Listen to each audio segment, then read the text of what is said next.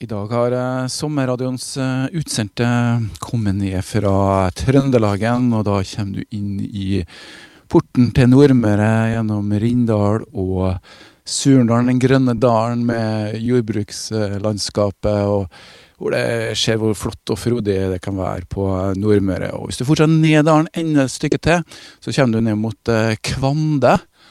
Og da er du straks ved Todalsfjorden.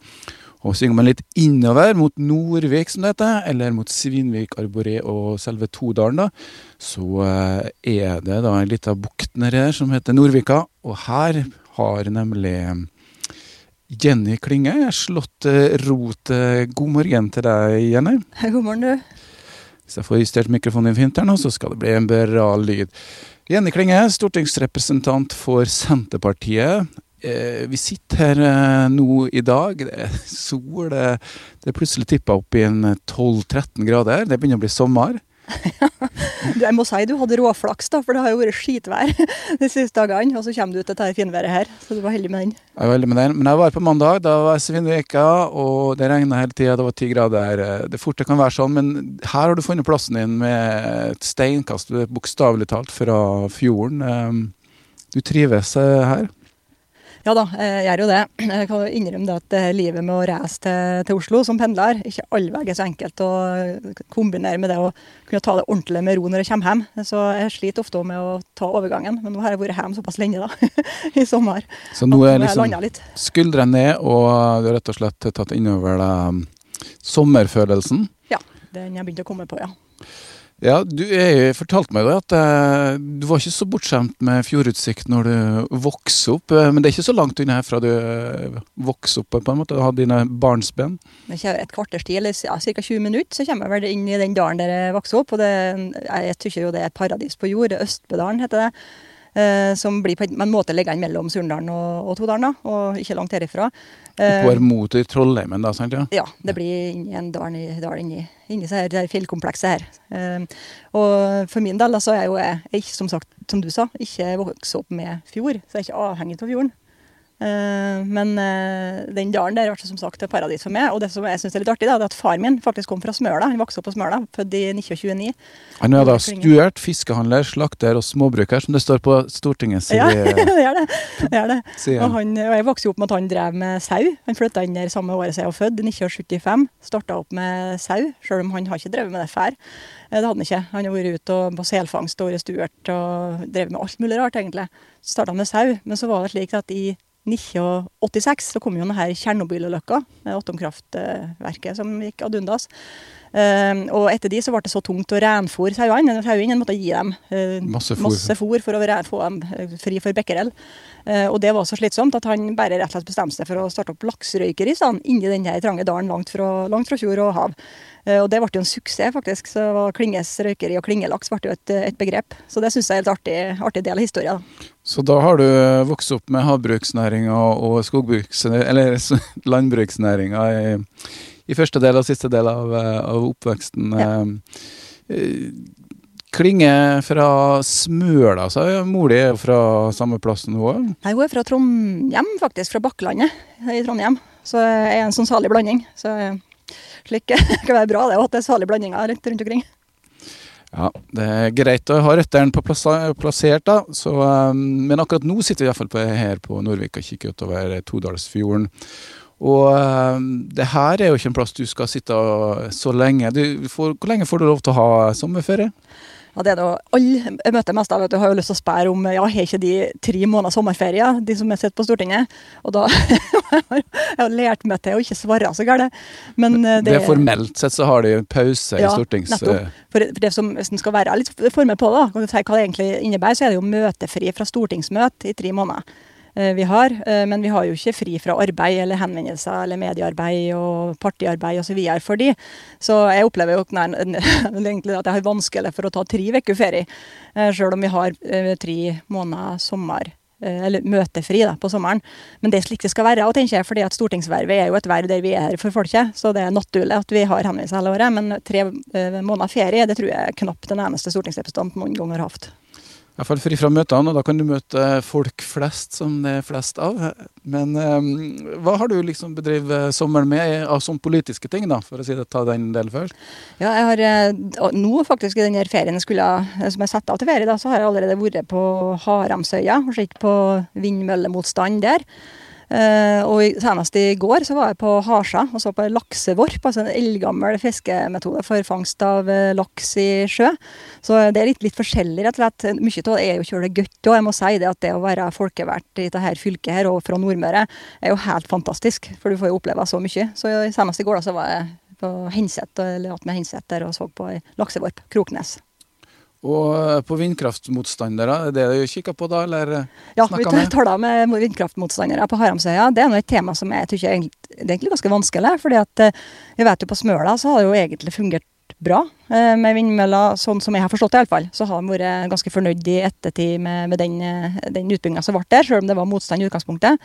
Men så er det åpenbart slik at hvis en skal drive med kraftutbygging og vindmøller, så må en sørge for at det blir gjort eh, i tråd med de verdiene vi har. Vi ønsker å ta vare på naturen og ta omsyn til folk og samfunn. Så det tror jeg nok på Haramsøya så er det nok ikke det skjedd bra nok. Og heller ikke når det gjelder det såkalte Havsul 1-prosjektet, som handler om havmøller til havs. Så det må gå an å stjele mellom prosjekt som kan være fornuftige, fordi de ligger langt nok unna folk og som ikke tar uh, nuven til naturen for mye, men samtidig stoppe de prosjektene som er helt ufornuftige, eller er, som er ufornuftige, da, bør stoppes. Vi kunne ha gått en lang diskusjon om det, men mm. altså, du bor jo heldigvis i kraftverksbygd. Vi har et kraftverk her på, på Nordvika. Ja, det har vi faktisk. Et, et lite et, eh, litt av litt, faktisk ganske stort under sammenhengen. Men det som er bra du spør om, for når vi taler om vindmøller, så må vi ikke glemme heller at uh, den utbygginga som det er snakk om eventuelt i ytre strøk nå, eh, med vindmøller som det er motstand mot, og jeg forstår motstand, eh, men samtidig så skal vi ha med oss at Surndal og mange andre kommuner har ofra mye natur allerede på utbygginga på 50- og 60-tallet. Der f.eks. Folldalen, som var ei setergrend i, eh, i Surndal, jeg mener det var sju setre oppi der, ble neddemt av en enorm dam som i dag forsyner landet med kraft. Eh, og de naturinngrepene er allerede gjort. Eh, er med å sørge for velferden vår eh, og færre verdiskaping i landet vårt. Og så Vi er nok nødt til å ofre noe for framtidig kraftutbygging òg, men spørsmålet er hvordan gjør vi dette best mulig i tråd med natur og, og interesser som, til lokalbefolkning. Det er jo alltid en, et dilemma. Og til dere kjære lyttere, hvis det blåser litt på mikrofonen, så er det for at vi sitter faktisk ut her nå, og, og det er fugleskvitter i bakgrunnen, kanskje det hører men kommer det litt vind, så kan det hende at vi hører det litt på mikrofonen. Men vi syns det var så frisk luft at eh, i hvert fall jeg syns vi skal sitte ute. Men uh, vi får nå uansett uh, ta det etter hvert. Men vannkraft, ja, det er nå naturen uh, vi på en måte utnytter og lever av. Og Senterpartiet er vel uh, godt festa der med å utnytte naturen. Ja, på godt og vondt. Det vi er opptatt av, det er at vi skal forvalte naturen på en slik måte at uh, framtidige generasjoner skal ha, få den i bedre stand, helst enn det vi, vi, har brukt den, eller sånn som vi har brukt den. Uh, og jeg er kjølig opptatt av den forvaltertankegangen, og ikke, at, ikke forbruk, men forvaltning. Og Hvis en har det som utgangspunkt, så vil en jo ta vare på naturen på en helt annen måte. Og så er det jo andre partier som går kjølig mye lenger og sier at en skal verne naturen. Og, og må mest legge en sånn osteklokke over og ikke gjøre noe med den. Der er vi ikke, er vi, ikke vi i Senterpartiet. fordi vi mener det er fullt mulig å leve i pakt med naturen og tråd med naturen på en slik måte at en kan sørge for verdiskaping og velferd til alle sammen i hele landet.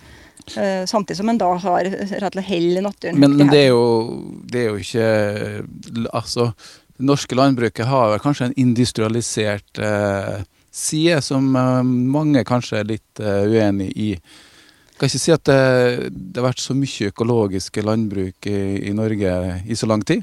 Nei, det kan jeg si. Det som er interessant, hvis en sammenligner med andre land, da, så vil jo norsk landbruk være økologisk i forhold til den produksjonen som er i en del andre virkelig stor, storindustrialiserte landbruksland. Så en skal ikke en skal ikke undervurdere verdien av at vi har et land som er så mangfoldig som vi har. Men det er industrilandbruk som har på en måte drevet fram landbruket i Norge? Ja, men husk på det at det, det, som kjennetegner landbruket i Norge, er jo det her mangfoldet som er, og den kronglete naturen. slik at det er ikke mulig for oss i Norge å ha industrilandbruk på samme måten som de har f.eks. i Tyskland. Da. Så det er kjøle stor forskjell på de utfordringene som finnes i Tyskland når det gjelder landbruk og industrialisering av landbruket. Vi kan ha 300 griser, men ikke 3000, det du sier? Nei, nei nettopp. Graden har faktisk noe å si. Og så har vi kjøle altså Dyrevelferd står høyt i hevd i, i Norge. Vi har et mattilsyn som passer på, og ikke minst bønder som er kjøle glad i dyra sine sin. Sånn at jevnt over så har vi en god produksjon av mat, og all grunn til å fortsette å gi deg trygg, god norsk mat. Ja, Eh, vi må snakke politikk vet du, når vi er sammen med Jenny Klinge her. Det er jo så enkelt som det. Men de er jo, vi snakker om landbruk og Senterpartiet, men i Kristiansund så er det jo nest største parti. Det er jo en bykommune. Eller har kristiansunderne blitt eh, bønder? ja, de fikk jo med seg Frei for noen år siden. Det hjelper nå selvsagt på den statistikken. Men, det tror jeg tre eh, eller fire aktive bruk. Mm, ja, sant, ja. Eh, det, jeg tror ikke en skal undervurdere Senterpartiet sin kraft til å være et parti eh, ikke bare for landbrukskommuner, men i høyeste grad for alle kommuner, også bykommunene. Skjer jo i flere kommuner. Utkant-Norge, ja, vi må ja, si det. Utkant-Norge, kan si, men det, vi har jo ganske, Nå kommer jeg jo ikke på altså byene vi fikk eh, varaordfører eller ordfører, men det er utrolig mange plasser rundt for sist valg nå. Vi klarte å, å få ordfører eller varaordfører i ganske store byer. Og Kristiansund er jo et eksempel på en plass der vi virkelig har lykkes med det engasjementet som de lokalt der har hatt. og det gode arbeidet som de har gjort. Um, Eller, jeg må få si, ja. det kan jo hende noen andre partier har kanskje ikke vært så heldige. Ja, det, sånn kan det alltid være. det skal ikke jeg si noe om, da. Eh, det skal ikke jeg si noe om, jeg har ikke fælt meg så godt på det. Men, det som er, men uansett, ikke, det, det, er nok et godt arbeid som er gjort, og det er tydelige stemmer. Som velgeren, det jeg tror, da, det er at velgerne savner tydelige stemmer, og jeg håper og tror at vi i Senterpartiet framover og kan være et parti som er kjøletydelige. Uh, og ja, vi er færre landbruk, fordi at herregud, hvis vi sitter i et land der vi er nødt å produsere maten vår sjøl, vi er nødt til å ha matberedskap som gjør at også i kriser så må vi kunne fø vår egen befolkning mest mulig. Så klart vi skal være opptatt av landbruk. Da. Er den ja, tatt med? Nettopp, og det var den jeg skulle si neste. Men så har vi også fisken. Og vi har kysten eh, og alt, all denne matproduksjonen som foregår der. Og det her henger jo sammen. Eh, rett og slett det å eh, forvalte naturressursene slik at vi har fisk for framtida, og at vi har et, eh, et landbruk for framtida. Og i tillegg så må en ikke heller glemme at eh, lokalsamfunnet er jo like viktig i by som i bygd. Og det å ha partier som går inn for å ta vare på gode lokalsamfunn i Kristiansund, da, som det er i Surnadal, er jo like viktig begge plasser. Ja, det, Sykehuskampen gjorde jo veldig tydelig at Kristiansund også lider under samme mm, sentraliseringsbølgen, for å si det helt enkelt. Ja. Eh, det her er jo virkelig Senterpartiet tjent på, da, å være imot eh, det, det, er jo ikke bare på sykehusbiten det er innenfor Ja, du kan jo ta regler, det? Ja, vi kan ta regler. Vi kan ta sykehus, vi kan ta kommuner, vi kan ta veiutbygging, måten den er vridd til sentrale strøk osv. Eh, jeg tror nok, ikke noe tvil om at kampen vår mot sentralisering har vært kjølig viktig for at vi har vokst så mye som vi har gjort. Ehm, men da igjen da vil jeg minne om at det er viktig også for folk i byer, ikke bare for folk i, i bygda. For Møre og Romsdal er jo et eh, distriktsfylke. Eh, hvis man skal kalle det noe, så er det ikke et byfylke, det er et distriktsfylke. Så også så her byene våre er jo godt tjent med at vi kjemper for distriktet. Vi er da småbønder alle mann. I hvert fall så er vi i hvert fall eh, av enkle kår, og det er der vi er kommet fra. Og det er derfor vi har kanskje hatt sånn Arbeiderparti-samfunn i, i Kristiansund, som har vært veldig sterkt. da. Eh, skal ikke ta bare politikk, Jenny. Vi må ha litt pause. og da må vi ha litt musikk og sånn. Og så har jeg jo da bestemt at eh, du som som sommergjest skal få lov til å velge litt eh, musikk. da, og Du kom med noen navn til meg, så, men du kan jo plukke frem den du vil høre først eller sist. Skal vi rett og slett starte med Lambada, da? Jeg syns den er råkul. og så kan vi tale litt etterpå kanskje om hvorfor jeg har vært uten her der. For jeg har, eh, jeg hadde et prosjekt på gang her i vår, så det kan ja, jeg fortelle om etterpå. Da, da må venter vi, mm -hmm. og så tar vi og hører Lambada, som jeg tror jeg vet hvordan den går, men Atle, du greier vel å finne den frem til oss? Lambada, Jenny Klinge, fortell. Ja, jeg valgte ut den her fordi at eh, Jeg husker jo da den kom, da, den var helt fenomenal av sanden her. Og, det var mange som dansa attåt den. Den gangen, eh, mens da jeg var ung, så var jeg litt for sjølhøytidelig til å ta det ut eh, med dansing. Dansa på fest, det gjorde jeg, men ikke så, sånn kjempemye og ikke så galt. Men, men så var det slik at for i fjor og, altså, Jeg hadde sju måneder fra slutten av 2018 til i fjor i slutten av juni der jeg var sjukmeldt. Der jeg, ble, jeg fikk noen voldsomme smerter i hele overkroppen. og Det kjentes som noen holdt på å sage av meg armer på natta. og Jeg var rett og slett ikke i stand til arbeid. Og I den perioden så var det jo et muskelsvinn uten sidestykke, eh, sier seg sjøl, når en ikke får brukt musklene. Eh, så jeg var helt desperat etter å finne en måte å trimme på som kunne være mulig å få til. Eh, og så kom jeg på det, da, at eh, jeg liker jo å danse. Eh, så da begynte jeg å ta noen sanger, og rett og slett eh, Først var det jo eh, strengt tatt bare mild vrikking til musikken. det var snakk om. For jeg var jo ikke i form til noe som helst. altså Kroppen var rett og slett i en sånn alarmsituasjon. Men, men jeg klarte lite grann, og så klarte jeg mer og mer etter hvert. Og så fant jeg ut det at, og det jeg har funnet ut til nå, da, på den tida så godt siden, det er at jeg har bare godt av å danse så ofte som jeg får det til. altså Pass på kanskje hver dag hvis jeg får til det. Mellom 20 og 40 minutter. Så er forma kjempebra. Så det som jeg har gjort da, den lambada har vært ute i dag for å, Det er en av de sangene som jeg dansa, det er en av de mest heftige sangene. Ja. Den, den, klarer jeg nå. Den klarte jeg jo ikke for uh, i april i fjor. Da var jeg jo helt elendig, som sagt. Men hvilken dans blir det? Sånn salsa, eller hva slags rytme blir det? det er viktig å få fram at jeg er ikke skolert innen dans. sånn at det er, særs, altså det er snakk om sånn Jenny Klinge-versjon av dans, da, og det, om det er bra eller ikke, det driter jeg i. For jeg tykker bare at det er så godt å røre seg. Sånn fri-inspirert salsa, gammeldanssving? Ja, eh. rett og slett bare inspirert av det som jeg kommer på der og da. Og så klart at jeg har jo ei spilleliste på 120 sanger nå som jeg bruker da når jeg, når jeg danser. Eh, og grunnen til at jeg har lyst til å ha med i dag, det var det at jeg innså det mens mens, eh, altså etter jeg begynte med det her, og etter som kroppen faktisk ble bedre og bedre også av å danse, at eh, folk rundt i, i de tusen hjemme har jo denne dansen så tilgjengelig, men jeg tror det er altfor få som gjør det. Eh, så om en enten vil at kallen skal sitte i en stol og se på at du danser, eller om du vil danse helt alene på badet, eller i ei stue når du er alene i huset, så har du jo mulighet til det. Sett på musikk og bare, bare dans. Så eh, i den grad jeg skal misjonere for noe som helst i livet, da, så tror jeg jeg skal misjonere for, eh, for, dansen. Den der bare å rett og til musikk og røve seg til musikk. Eh, det kommer til å skje nå, det skal jeg garantere. Så folk begynner med det, så i løpet av noen uker og måneder så kommer kroppen i, i bedre form. Så det var dagens misjon da, for dansing. Ja, det er mye nonverbal kommunikasjon også med dans, i hvert fall mellom to partnere, da. Men eh, Jenny, du snakker jo på inn- og utpust. Det er ja. Eh, er du nødt til å gjøre det hvis du skal være stortingspolitiker? Nei, jeg, jeg har jo fått kommentarer eh, fra jeg var født cirka, om at jeg har tala fort. da, Så jeg, det er nok medfødt hastighet. Så jeg beklager overfor de lytterne som sliter med å følge med. Så beklager jeg det, da, men da må jeg få lov til å fortelle en historie fra da jeg var fersk i kommunestyret. Jeg kom inn i kommunestyret i Surndalen i 1999.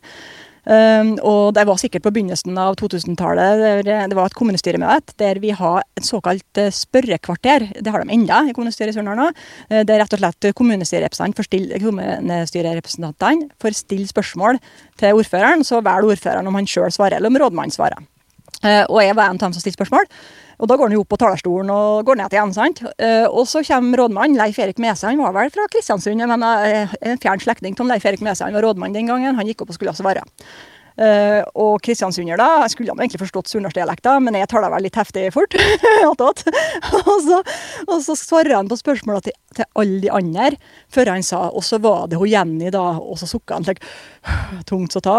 Og så sa han hun, hun taler så fort og så høyfrekvent, og så gjorde han en sånn bevegelse med fingrene i tillegg for å vise at jeg taler fort, uh, at jeg forsto ikke noe av det hun sa. sa han. Uh, og så med samme, da, så sier jeg, sånn ung, sikkert 24-25 år, uh, kommunestyrerepresentant som ikke skal tale fra der en sitter, jeg roper likevel fra der jeg satt. Og så roper jeg uh, det er ikke jeg som taler fort, det er du som tenker sakte. og der, lå folk over bordet og flirte rundt omkring. Ja, men det skjer noe når folk snakker saktere. du må konsentrere deg mer når folk snakker fort, da. Det er jo det ja. som er fordelen, da. Ja, jeg kan si det slik. Jeg har forståelse for det hvis noen sliter med å forstå meg, men så trøster jeg med at, med at andre igjen da, uh, får det godt med, sånn at vi får håpe at det kommer greit i balanse. da. Men som stortingspolitiker, dere ser jo drilla ut i møte med presse. Øver dere på det? Jeg, jeg kjører dårlig til å øve, da. Så, ja, liksom, jeg tenker at en del av politikerskolene er å liksom ta sånn debatter og øve seg ja. på spørsmål. og de, de, gjør det? Ja, absolutt. Jeg tror nok det er stor forskjell på partier der. Senterpartiet har noe, vi har noen slags eh, øvinger annethvert år, vi òg. Men eh, jeg tror enkelte andre partier kjøler mye flinkere da, til å drille representantene sine. Og så kan en spørre seg om det er bra eller dårlig. Jeg har litt sansen for at vi skal være oss sjøl, og, og jeg tenker ikke at når talefarta mi ja, Det er dumt om det er som som detter dette av, men forhåpentligvis så henger de, så henger de fleste med. Og så syns jeg det er noe befriende ved at vi er forskjellige. Hvis alle sammen skal tale sakte med mørk røst, sånn som Siv Jensen har jo jo lært seg til å tale veldig mørkt med åra. Hvis alle skal liksom fungerer veldig bra på radio. Legg stemmen litt lavt. Det gjør det, så må vi gjøre det jo nå, kanskje. Men jeg tror det er en uh, fordel at vi er forskjellige, da. Poenget mitt er det. Så at uh, jeg er ikke så galt ferdig den der drillinga. Jeg liker noe, og det, det kan jo komme stevt ut. Når en ikke er drilla, så vil en somtid kunne si ting som det går litt over skaftet. og slik, Men jeg tror òg det er en fordel for samfunnet vårt, at politikere ikke er så redd for å gjøre tabber. At vi bare skal være kjempeforberedt når vi svarer på spørsmål. Det er jo en god del uh, yngre politikere som er godt forberedt. Vi ser jo det. De har jo gått en uh, jeg vil kalle det en politikerskole. Og du er vel også en uh, yngre generasjon politikere, du òg, som kanskje ikke har jobba for mange år før du liksom politikken ble jobben din. Syns du at Jeg kan jo ikke spørre deg om det, om du skulle hatt noen år til på baken. Det er jo helt feil. men har vi en god nok balanse av det erfaring og, yngre engasjement eh, på det norske storting? Jeg tror det er kjempebra, og ikke bare kjempebra, men det er helt eh, en forutsetning for at politikken skal fungere. At uh, mange politikere har bakgrunn fra, fra yrkeslivet. Og så var jo slik, Jeg kom jo tidlig inn i politikken, for jeg var vel, fylte vel 24 det året jeg kom inn i kommunestyret. Så jeg husker rett. Og, så det var jo tidlig og ungt. Uh, og jeg kom rett inn i formannskapet i tillegg, da. Men, uh, men, jeg hadde jo allerede arbeid uh, noen år, og så var det mannen min og jeg vi, stifta, vi starta malerfirma som jeg var med å arbeide i, så jeg var ikke fullt ut politiker. Jeg var jo del... Malehus? Ja, malehus, rett og slett. Så jeg var med og administrerte, og var med også mala. Så jeg har vært med og mala industribygg og, og, slik. Så jeg har jo absolutt prøvd arbeid, men jeg var jo kombinert av politiker og var ute i arbeid i noen år der. Eh, før jeg ble fulltidspolitiker. Og jeg er jo sjeleglad for at jeg har den erfaringa både med å arbeide og med å drive firma, ikke minst. Eh, og så er jeg kjøleglad jeg har den erfaringa fra barndommen, da vi drev lakserøykeriet. Eh, fordi det også var det, En lærer mye, altså jeg var jo med mye på det også. Ehm, jeg har jo arbeidet 20 timer i strekk, og sånn, det er ikke bra for noe som helst. Men eh, i ungdommen, når en står på for en familiebedrift, så lærer en arbeid. Så jeg syns ikke at jeg har noe problem med å forstå hva det arbeidet er. Eh, heller ikke som stortingspolitiker, selvsagt. Men eh, jeg syns det er bra at vi har en blanding av ungt og, og eldre, og med forskjellig bakgrunn. Men du er ikke utdanna maler, det er universitetsfag du har? Ja, det er noe slike sløve universitetsfag her. Som er lett å kombinere med litt aktiv eh, politisk eh, Var det det altså, Du gikk vel i Oslo, gjorde du ikke? Jeg gjorde det. Jeg har eh, sosiologi, tysk og, og historie. Uh, grunnfag, tre grunnfag. og Jeg kom jo aldri så langt som at jeg tok uh, cand.mag.-graden heller, for jeg traff jo en kar i Surndalen. Uh, kom hjem igjen på sommerferie og, og, fant en kar, og her ble det værende. Og han jo, var jo far til far til sønnen min. Så jeg har jo en guttunge på 90 år etter det, så jeg er jo sjeleglad for at jeg aldri tok og fullførte den cand.mag.-graden. Cand.mag er jo da omtrent som en bachelor, eller litt mer, eh, ja, selvfølgelig. Det er bra. Vi, du var mer utdanna i gamle dager. Jeg er litt sånn olding i forhold til det systemet der. ja, sant ja. Så gammel er du ikke at du har hovedfag. Men nå heter jo master og bachelor og, og utdannelse er jo greit å ha, ha litt av det òg. Du kom da hjem til Surndalen, slo ned her og her skulle du bo? Ja, det var det. Jeg, jeg fant jo ut at jeg har jo predikert så mye, eller tala om, eh, at eh, jeg tala så mye om at eh, det er viktig at ungdom vender tilbake til bygda. Og etter tre år i Oslo, da jeg kom tilbake hit og jeg hadde, det var noen forskjellige omstendigheter som gjorde at jeg var her en, noen måneder i strekk. Um, og det som for min del var kjølig fint da, det var at i barndommen så var jeg mobba ganske mye på barneskolen. Uh, og det gjorde at jeg lova den gangen jeg var lita, at jeg aldri skulle tilbake til Surnadal. Eh, men så um, At du var, du var mobba da ja, sånn, ja, jeg ble mobba på barneskole. Og det, det er slik som mange opplever. Men uh, jeg husker det som helt forferdelig. Og så husker jeg kjølig godt den lovnaden jeg ga meg sjøl at jeg aldri skulle tilbake til Surndalen. For jeg trodde at det var noe galt med Surndalen. på en måte. Det små samfunn, ja. lite plass å gjemme seg. Du blir sett og tatt. Uh. er litt den følelsen? Ja, på en måte, men jeg var jo, en sjøl stor barneskole. Jeg gikk på, så jeg skal ikke påstå at det hadde noe med saka å gjøre. Det var nok absolutt en av de største barneskolene jeg, på både Nordmøre og fylket den gangen. Så, men det er jo litt sånn bygda-problemet. altså at uh, Hvis du ikke er akseptert i bygda, så er det vanskelig å finne seg så mange andre plasser å være. Ja, det jeg var heldig med, det, hermetegn, det var at jeg var på skolen. Jeg var plaga, jeg hadde ikke noe problem, jeg kunne være med på fotball, og jeg var, eh, som jeg hadde venner på en måte på hjem. da. Så, så, jeg skal ikke klage på det. Altså. Så jeg, jeg, skal ikke klage helt opp den situasjonen, men grunnen til at jeg nevnte det, det var det for å få frem at jeg tror som onde, hvis du først blir utsatt for noe slikt, så tenker du ofte at det er kommunen din det er noe galt med. Det er den, Stedet, ja, plassen, plassen, alle idiotene rundt. Nettopp, alle idiotene rundt. sant, ja. Og så vil du bare vekk. Eh, men det som jeg syntes var så fint, da jeg kom tilbake i 1998, eh, den, da jeg ble hjemme noen måneder, det var at jeg oppdaga at Surnadal var helt annerledes enn det jeg huska. Og så Folk var jo kjempetrivelige og glad for å se meg, sant, og sånn og sånn. Og det endte jo med at jeg tenkte at nei, her kan jeg faktisk være. Da kombinert med at jeg traff en kjekk kar, så, så ble det kjølig lett å ta den avgjørelsen. Og det har jeg ikke angra på sida. Så kanskje de mobberne ja, de forsvant? Ja. Eh, og så er det noe med at en del av dem som har mobba altså Noen er jo jævlig, jeg eh, skal ikke liksom, stikke den under en stol. Som er bare rett og slett det, og fortsetter å være det. Men ganske mange har jo vært med på det fordi de var redd for å bli plaga sjøl. Og den gjengen der, de kan jo det ganske grei i ettertid. ja. Så det er noe med å bare forstå litt at uh, det er noen mekanismer der som gjør at dessverre da, at flere blir med på det, enn det egentlig finnes antall folk som er jævlig i verden. da. Fattig trøst for dem som står i det i dag, men det er noe sånn man må ofte se litt fremover. tilbake til Surndalen. og du nevnte malingfirmaet ditt. Var det det du begynte med da, eller? Eh? Ja, først hadde jeg noe underviste noen fram, uh, elever i, i, norsk, rett og slett. Fremmedspråklige elever i norsk, og holdt på med slikt. Det var flyktningkonsulent, og så drev jeg firmaet, ja. Det er firmaet som vi starta i lag. Men så fanga politikken deg hva er så, så artig med politikk? Nei, det kan du si. jeg ble spurt av tre partier samtidig. faktisk. Det var tre, Senterpartiet var ett av tre partier som spurte meg en gang om å stå på list, og det var Senterpartiet jeg var. Jeg kjente at det var aller nærest. Eh, så det var litt gutt. Men jeg har jo vært, tidligere da, så var jeg engasjert i Nei til EU, eh, så jeg hadde vært litt synlig i forbindelse med Nei til EF den gangen. da. Eh, I forbindelse med det. 92, 94? Ja, 94, ja. 94, ja. Mm. Så, um, så, det, ja, så jeg, jeg har hatt et engasjement fra tiden her òg. Uh, og det som er gøy med politikk, det er jo det ene er at du kan være med å bestemme. Det er jo mange som liker det, og det liker jeg òg, å være med å bestemme. Uh, men det, og det som er så gærent med å være lokalpolitiker, da, det er jo at en lærer så utrolig mye mer om den kommunen du bor i, enn du gjør ellers. For du får mulighet til å komme borti så mange sider ved kommunen. Um, spesielt hvis du sitter i formannskapet, selvsagt. Da er det enda mye tettere på.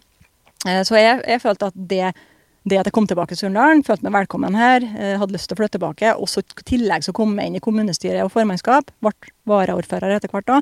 Alt det der gjorde at jeg eh, fikk en mye sterkere surendalsidentitet enn jeg noen gang har hatt før. da. Mye, mye mer glad til kommunen, faktisk, så det at jeg lærte mer om meg nå. Men eh, du nevnte varaordfører. Eh, du tikka jo og går. Man har jo ofte en periode i kommunestyret, formannskap, eh, fylke hvordan var veien eh, videre fra Surndalen og ut, da? Ja, Parallelt med at jeg var varaordfører, så satt jeg også på fylkestinget. Eh, for å være helt ærlig, så det syns jeg er mest bortkasta året jeg har vært med i politikken. Jeg tror både kommunestyret og Stortinget er mye, mye mer interessant. da. Ehm, men eh, det som eh, når det gjelder Men hvorfor er det bortkasta? Nei, altså, det er ikke, ikke bortkasta, men, eh, men jeg tykte iallfall sjøl at jeg passa bedre inn, kanskje. Rett og slett i kommunepolitikken og stortingspolitikken. Det høres jo litt som Frp og Høyre som vil legge ned fylkeskommunen. Ja, nei. Ja. Det er ikke et innlegg mot fylket, det er det ikke. Men det, tror, det kan hende det endrer seg mye siden da. Det er jo lenge siden jeg satt i fylkestinget. Men den gangen så opplevde jeg at ganske mange var sjølhøgtidelige der. De var på en helt annen måte enn på Stortinget så oppførte de seg som, som wannabe-stortingsrepresentanter. Eh, måten de holdt innlegg på, måten det ble eh, samtaler i pauser. Jeg tykte rett og slett ikke det fungerte. Mens jeg var vant med at fra kommunestyret så var det folk som talte på normalt vis med hverandre, oppførte normalt. På Stortinget folk er normale, helt vanlige. Men på, akkurat på fylkestinget den gangen, skal ikke påstå det slik i dag, den gangen så var det en tone og en måte å samarbeide på som jeg ikke tykte passa med, i alle fall. Som ikke hadde noe med postadressa deres eller sånne ting? Nei, absolutt ikke. Vi bor, jo, vi bor jo i Møre og Romsdal, her er vi jo glad i postadressa vår. Ja, ja, absolutt, men det, var på tvers av fogderi og parti, altså. Så det, Derfor så tenkte jeg at det var ikke noe for meg. Uh, og det er ærlig sak, da. For meg så er Stortinget mye mer uh, Det passer meg mye bedre, da. Så da var vi bare klar for å Nå skal jeg på Stortinget? Nei, jeg var egentlig ikke det, altså, men det var jo en, nominasjonskamp i 2004, før valget i 2005, der uh, han Ola T. Heggem, som den gangen var Rindalsordfører, uh, ønska å få førsteplassen. Uh, og så tapte han med ei stemme. Og så ble det slik at jeg da havna litt om og men så havna jeg som nummer tre på lista den gangen. Og pga. at hun som kom inn først, ble sjukmeldt tre år, faktisk tre år, den perioden som kom. Og nummer én han hadde sykdom i familien, så var jeg inn i to, to, over to år faktisk som stortingsrepresentant. Som var, da var du egentlig nummer tre i Møre og Romsdal? Tre i Møre og Romsdal, og likevel kom jeg inn to år på Stortinget det, den perioden. Og da, eh, første nominasjon etter ta, da, første valget etter ta, var det jeg sto på førsteplass og kom inn fast. Og siden 2009, da. Siden 2009 så har jeg vært fast på Stortinget. Ja, De har bare én fra Møre og Romsdal. Ja, enda. Men nå til neste år så skal vi ha to. ja, men det blir jo færre, ja. Det er jo færre ja. Møre og Romsdal får åtte istedenfor ni ja. på tinget. Det blir hardere å få to ja, enn det har vært tidligere, men samtidig så håper vi da at vi kan gjøre en så god jobb at vi får to likevel. Ja, eh, Vi kan jo bare ta den eh, nå når vi først er i gang med det. Det har jo vært en spesiell situasjon for landet, og da er det ofte slik at eh, de som sitter med makta, gjerne får en høyere tillit i befolkninga og øker oppslutning på, på målinger. De har vel gått litt ned som opposisjonsparti og, og, sammen med Arbeiderpartiet og de andre i opposisjon. Hvordan ser du på mulighetene? Ja, Det er vel ikke lenge til neste år? 2021? ja. Jeg mener jo ikke bare mulighetene er store, men det er jo helt, eh, jeg mener det er helt nødvendig med et regjeringsskifte nå. Eh, det Senterpartiet er et sterkt parti i den regjeringa. Eh, og jeg har jo vært med på sittet på Stortinget når vi hadde gjort valg på sånn 5-6% Altså Vi hadde så lite som 5-6% og vi satt i regjering. Og vi deltok som et, et lite parti, sammen med et stort Arbeiderparti og i lag med SV. da den gangen. Og det håpet mitt er jo at vi skal bli så store til neste år eh, at vi kan være et, et, et helt annet parti i regjering enn det vi var tidligere. Få til mye, mye mer. Og det tror jeg nok velgerne skal være helt sikre på, at hvis de gir oss den makta eh, i form av flere stemmer, mye flere stemmer, så vil de få igjen mye god politikk. Litt litt overmot der, da? Eller litt hybris, som det heter? Du er ikke redd for den? Det har gjort det så bra nå i Senterpartiet at det liksom uh... Nei, jeg forstår spørsmålet. Eh, jeg, jeg sjøl er kjølig skeptisk til meningsmålinger. fordi at meningsmålinger, det, er, det teller ikke. Det er valgdagen som teller. Ja, og de fleste meningsmål har kanskje en egentlig nesten 3-4 feilmargin òg. Nettopp, de har det. Men så klart at tidligere så lå vi jo på meningsmålinger mellom alt fra 4 til 7 ja. Og når meningsmålingene vipper mellom, mellom 14 og 15 og går opp i 20, over 20% det er klart at det sier noe om en bevegelse i velgermassen som hvis vi klarer å forvalte det her godt, vi, altså vi tar vare på den tilliten som velgerne har gitt oss, så vil det bety at vi kan gjøre et utrolig godt valg neste år. Men det kan også gå helt andre veien. Så jeg er sjøl klar over fallhøgda vår. Men jeg tror ikke jeg, jeg tror nok, Det betyr noe. Jeg tror det betyr noe når det er såpass mange meningsmålinger over tid. Og det at vi er gått ned til 14-15% igjen nå, det, når vi, vant, vi var vant med 5-6% så forstår du at veldig bra, det, det er kjempebra. Ja. Vi må ha litt musikk. Det må vi. Neste låt? Vi tar en Doon Time, da, kanskje? Det er ikke noe legge, det er lett musikk, altså. ja, ja, men vi vi driver ikke og deler ut uh, premier for musikksmak her. Uh, vi spiller låta, vi. Lana Del Rey. Rolig låt, det. Rolig dans i huset på, her på Norvika, da.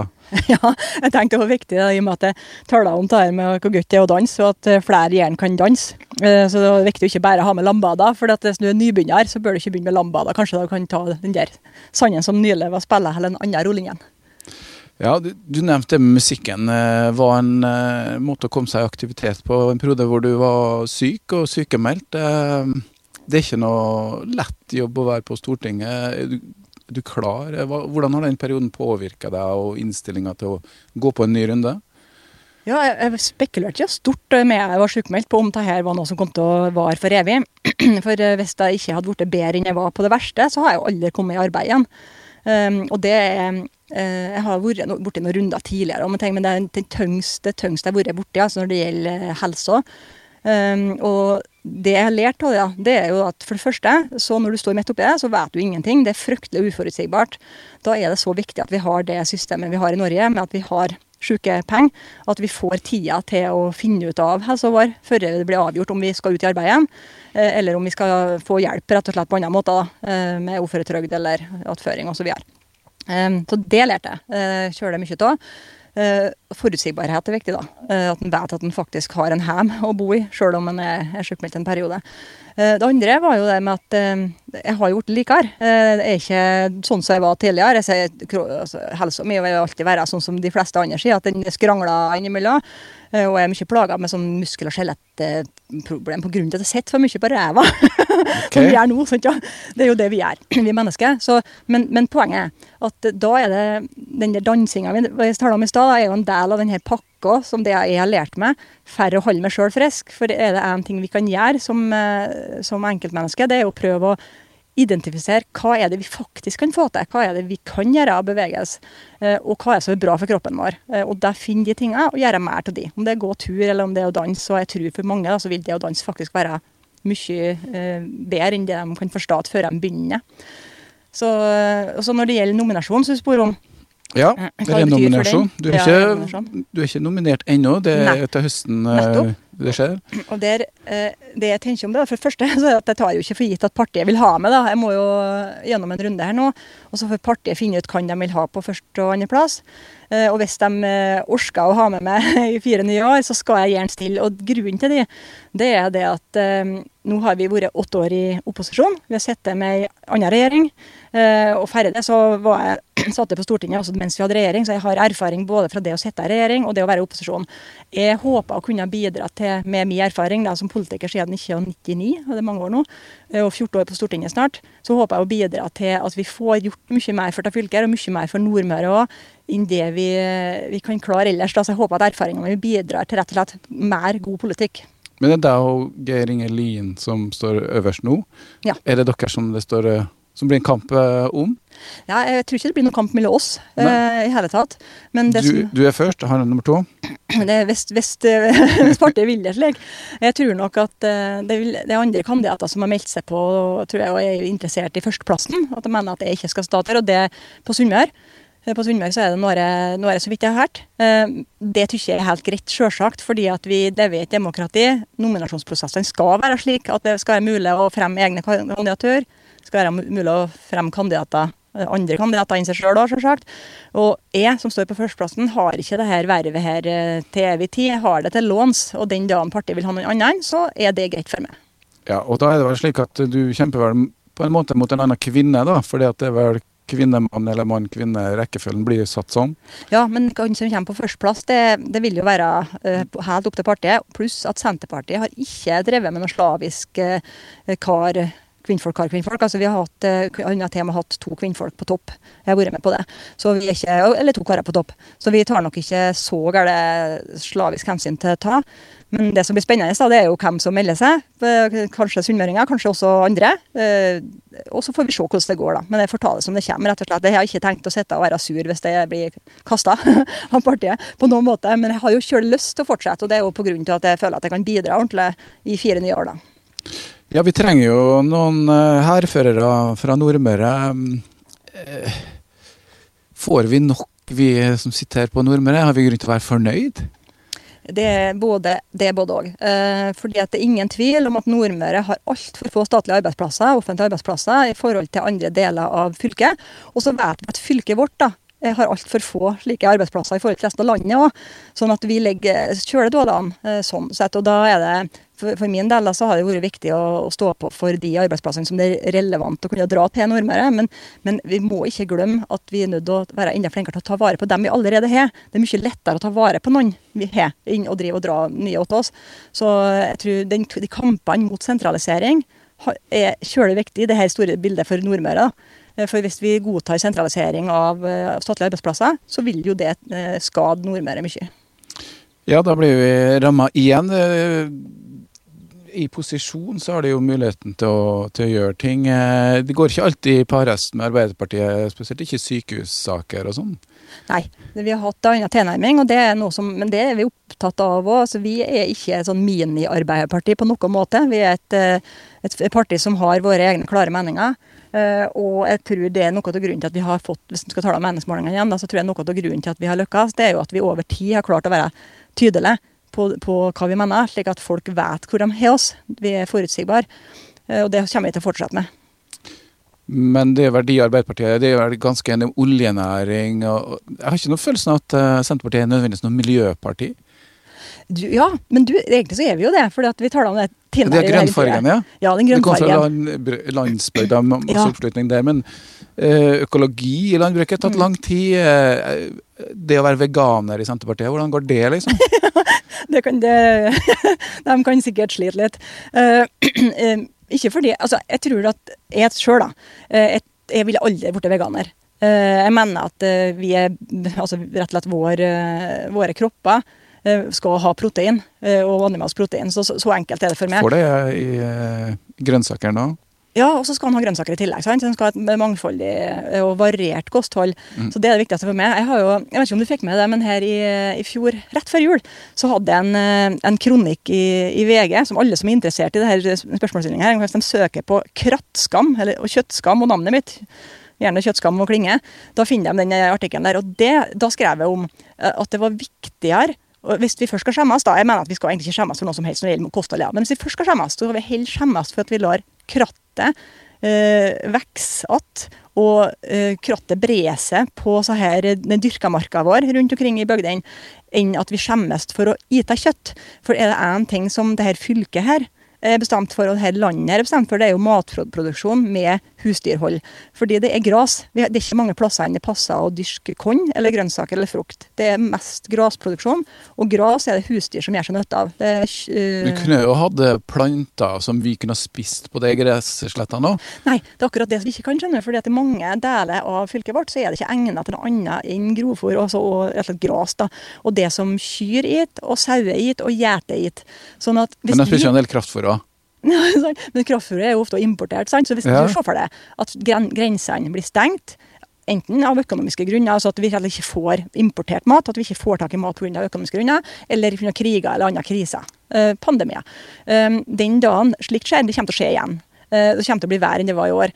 Eh, så er det en åpenbar fordel at vi her til lands klarer å produsere mest mulig mat sjøl, basert på de ressursene vi faktisk har, og det er gresset og beitemarka. Eh, og da må, kan vi ikke være for avhengige av å importere kraftfôr. For den dagen vi gjør oss færre avhengig av det, så har vi faktisk en dårlig matberedskap, og da tar vi ikke godt nok vare på innbyggerne våre. Det er min mm. mening. Så jeg er kjølig opptatt av at vi ikke skal la krattet bre seg, men at vi lar husdyra fortsette bete, og at vi fortsetter å gi det kjøtt. Men vi har en ganske bra overproduksjon, både av gris og, og sau. Mm. Uh, det harmonerer jo ikke helt um, på en måte, det? Nei, det er noe sånn her eh, Jeg husker altså ikke hva det heter, altså her mekanismene vi har for å ta vare på det her farten. og uh, Det er jo viktig at akkurat det her blir, kommer i balanse. Uh, men det som jeg tror, da, det er jo at forbrukerne bærer med at hver enkelt forbruker gitt litt mer saukjøtt, så vil denne overforbruket være eh, over, passé. Eh, og i stedet for å drive og ite stadig kalkun og kylling, og ha noe mer eh, kjøtt, eh, kjøtt, som blir produsert her til lands, da, eh, ut i naturen.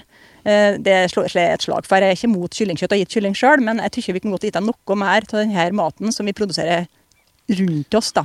Men hele landbruket er jo en spesiell anordning med egentlig litt sånn for å sette på spissen, siste rest av kommuniststat, hvor prisene dikteres, og forhandlinger om du skal få mer eller mindre. og Det er en evig kamp, det her, for å bestemme nivåene. Det kanskje ville vært et skjellsord i Senterpartiet å la prisene råde fritt? Du kan snu det helt på hodet i forhold til det du sier nå. Eh, det er å se på det fantastiske ved at vi kan ha et system som gjør at det er mulig for bonden i Finnmark og bonden i Møre og Romsdal eh, å få levert mjøkja si eh, og få samme att for det som dem som er på Østlandet. For det er jo ingen tvil om at det er lettest på flat Eksempel sånn som i Trøndelag og i, på Østlandet, så er det mye lettere å drive landbruk. For oss som bor i et slikt fylke som det her, så skal vi være sjeleglade for at vi har et system som gjør at det er mulig for eh, Tine å hente eh, mjøkja rundt i alle, alle, plasser, og at eh, bonden får betalt det samme.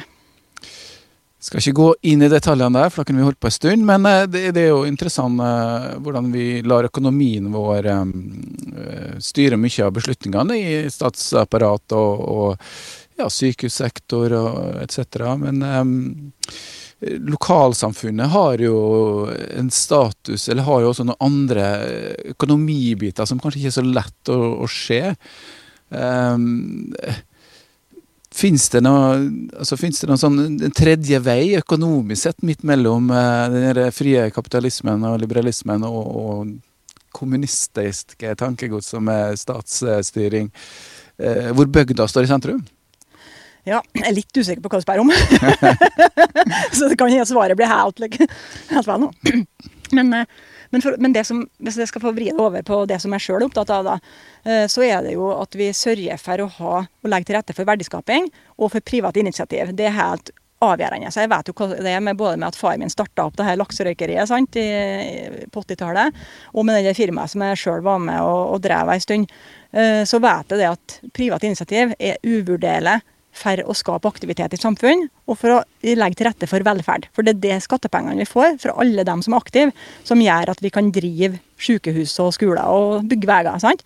Um, så jeg, jeg slår nok et slag for at folk i enda større grad verdsetter det her uh, måten vi i Norge eh, driver, driver, samfunnet vårt på. Fordi at det nettopp er mulig å være eh, kapitalister, altså i den grad en kan kalle folk det, hvis de starter opp noe sjøl og kan tjene penger på det. Eh, og at det igjen er med å legge til rette for velferd for, eh, for alle. Og så har vi ikke minst en stor og viktig offentlig sektor som produserer, da, produserer i alle fall, de leverer tjenester til oss alle, uansett om vi driver bedrift eller ikke i form av barnehagetjenester, i form av veibygging, i form av sykepleiere. Det er nesten snart 60% av befolkninga som jobber, eller de som arbeider, da, i hvert fall, som er sysselsatt i offentlig ja. Det er stor det andel. Det jeg egentlig ga her, skjønner jeg, en lisepasning. Ja, få høre. jeg forsto ikke ennå. Eh, du skal få et boktips av meg etterpå. Ja. Jeg skal ikke ta det, for jeg husker ikke navnet.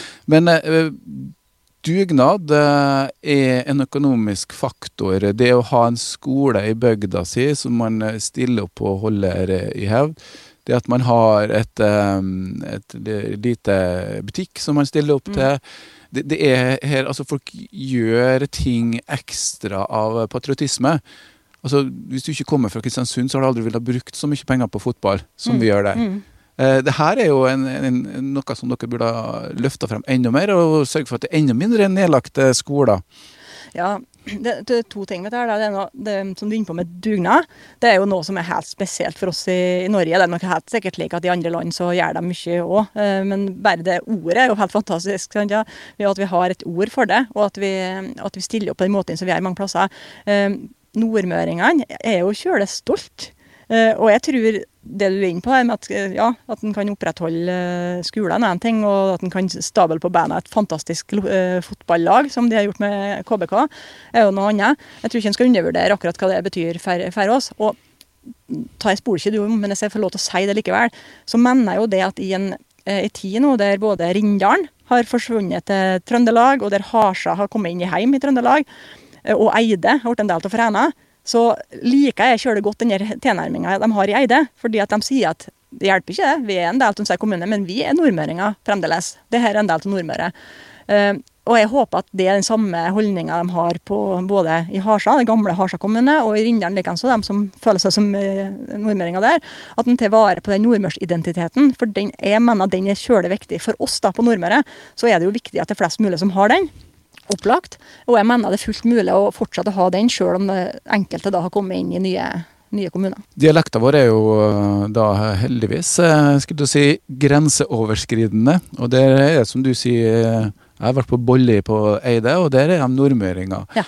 Eh, sånn at eh, den har vi nå i hvert fall eh, muligheten til å ta vare på. og det er bare å høre på KSU247. Der er jo lyden av Nordmøre. Der får du høre nordmørsdialekter. Jeg var nemlig og snakka med en, en, eh, språkforsker for to dager siden. Ja. Så Derfor så har vi full oversikt over nordmørsdialekter, som nå står sterkt. Eh, klokka tikker mot elleve. Jenny, du er Jeg vet ikke om du skal få siste ordet. Da blir så politikerne så drøy. ja, Men eh, hva er liksom eh, Hva er liksom sommerferien for deg nå? Eh? Når blir det sommerferie? Og hva gjør du da? Jeg har faktisk hatt to og en, to og en halv uke med sommerferie der de to første ukene har, har, du bada i år, forresten? Ja, Nei, jeg har faktisk ikke det engang.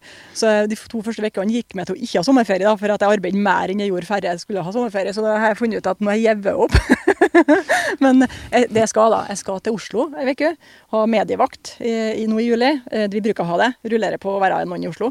Og så kommer jeg til å rett og slett bare prøve å kombinere det. det håpet mitt det er at jeg skal få ta fri de dagene det er finvær. For det er ikke så mange dager, det. Så eh, nasjonen går ikke under om jeg tar fri de dagene det er finvær. sant? det er ikke noe fare. Så rett og slett prøv å være ute i sola når det er finvær, og så stå på så mye ellers da, og prøve å få til noe ferie i hvert fall. Det høres ut som en uh, god plan. Vi skal si tusen takk til Jenny Klingøy. Og så eh, skal vi rulle videre. Nå får du straks eh, litt eh, nyheter. Og så skal vi spille siste sangen som Jenny valgte her. 'Dance Monkey'. Aldri skjønt hvordan de uttaler det. Tones and I, eller Tones and I? Sikkert Tones and I, men den er perfekt å danse til. det må jeg si.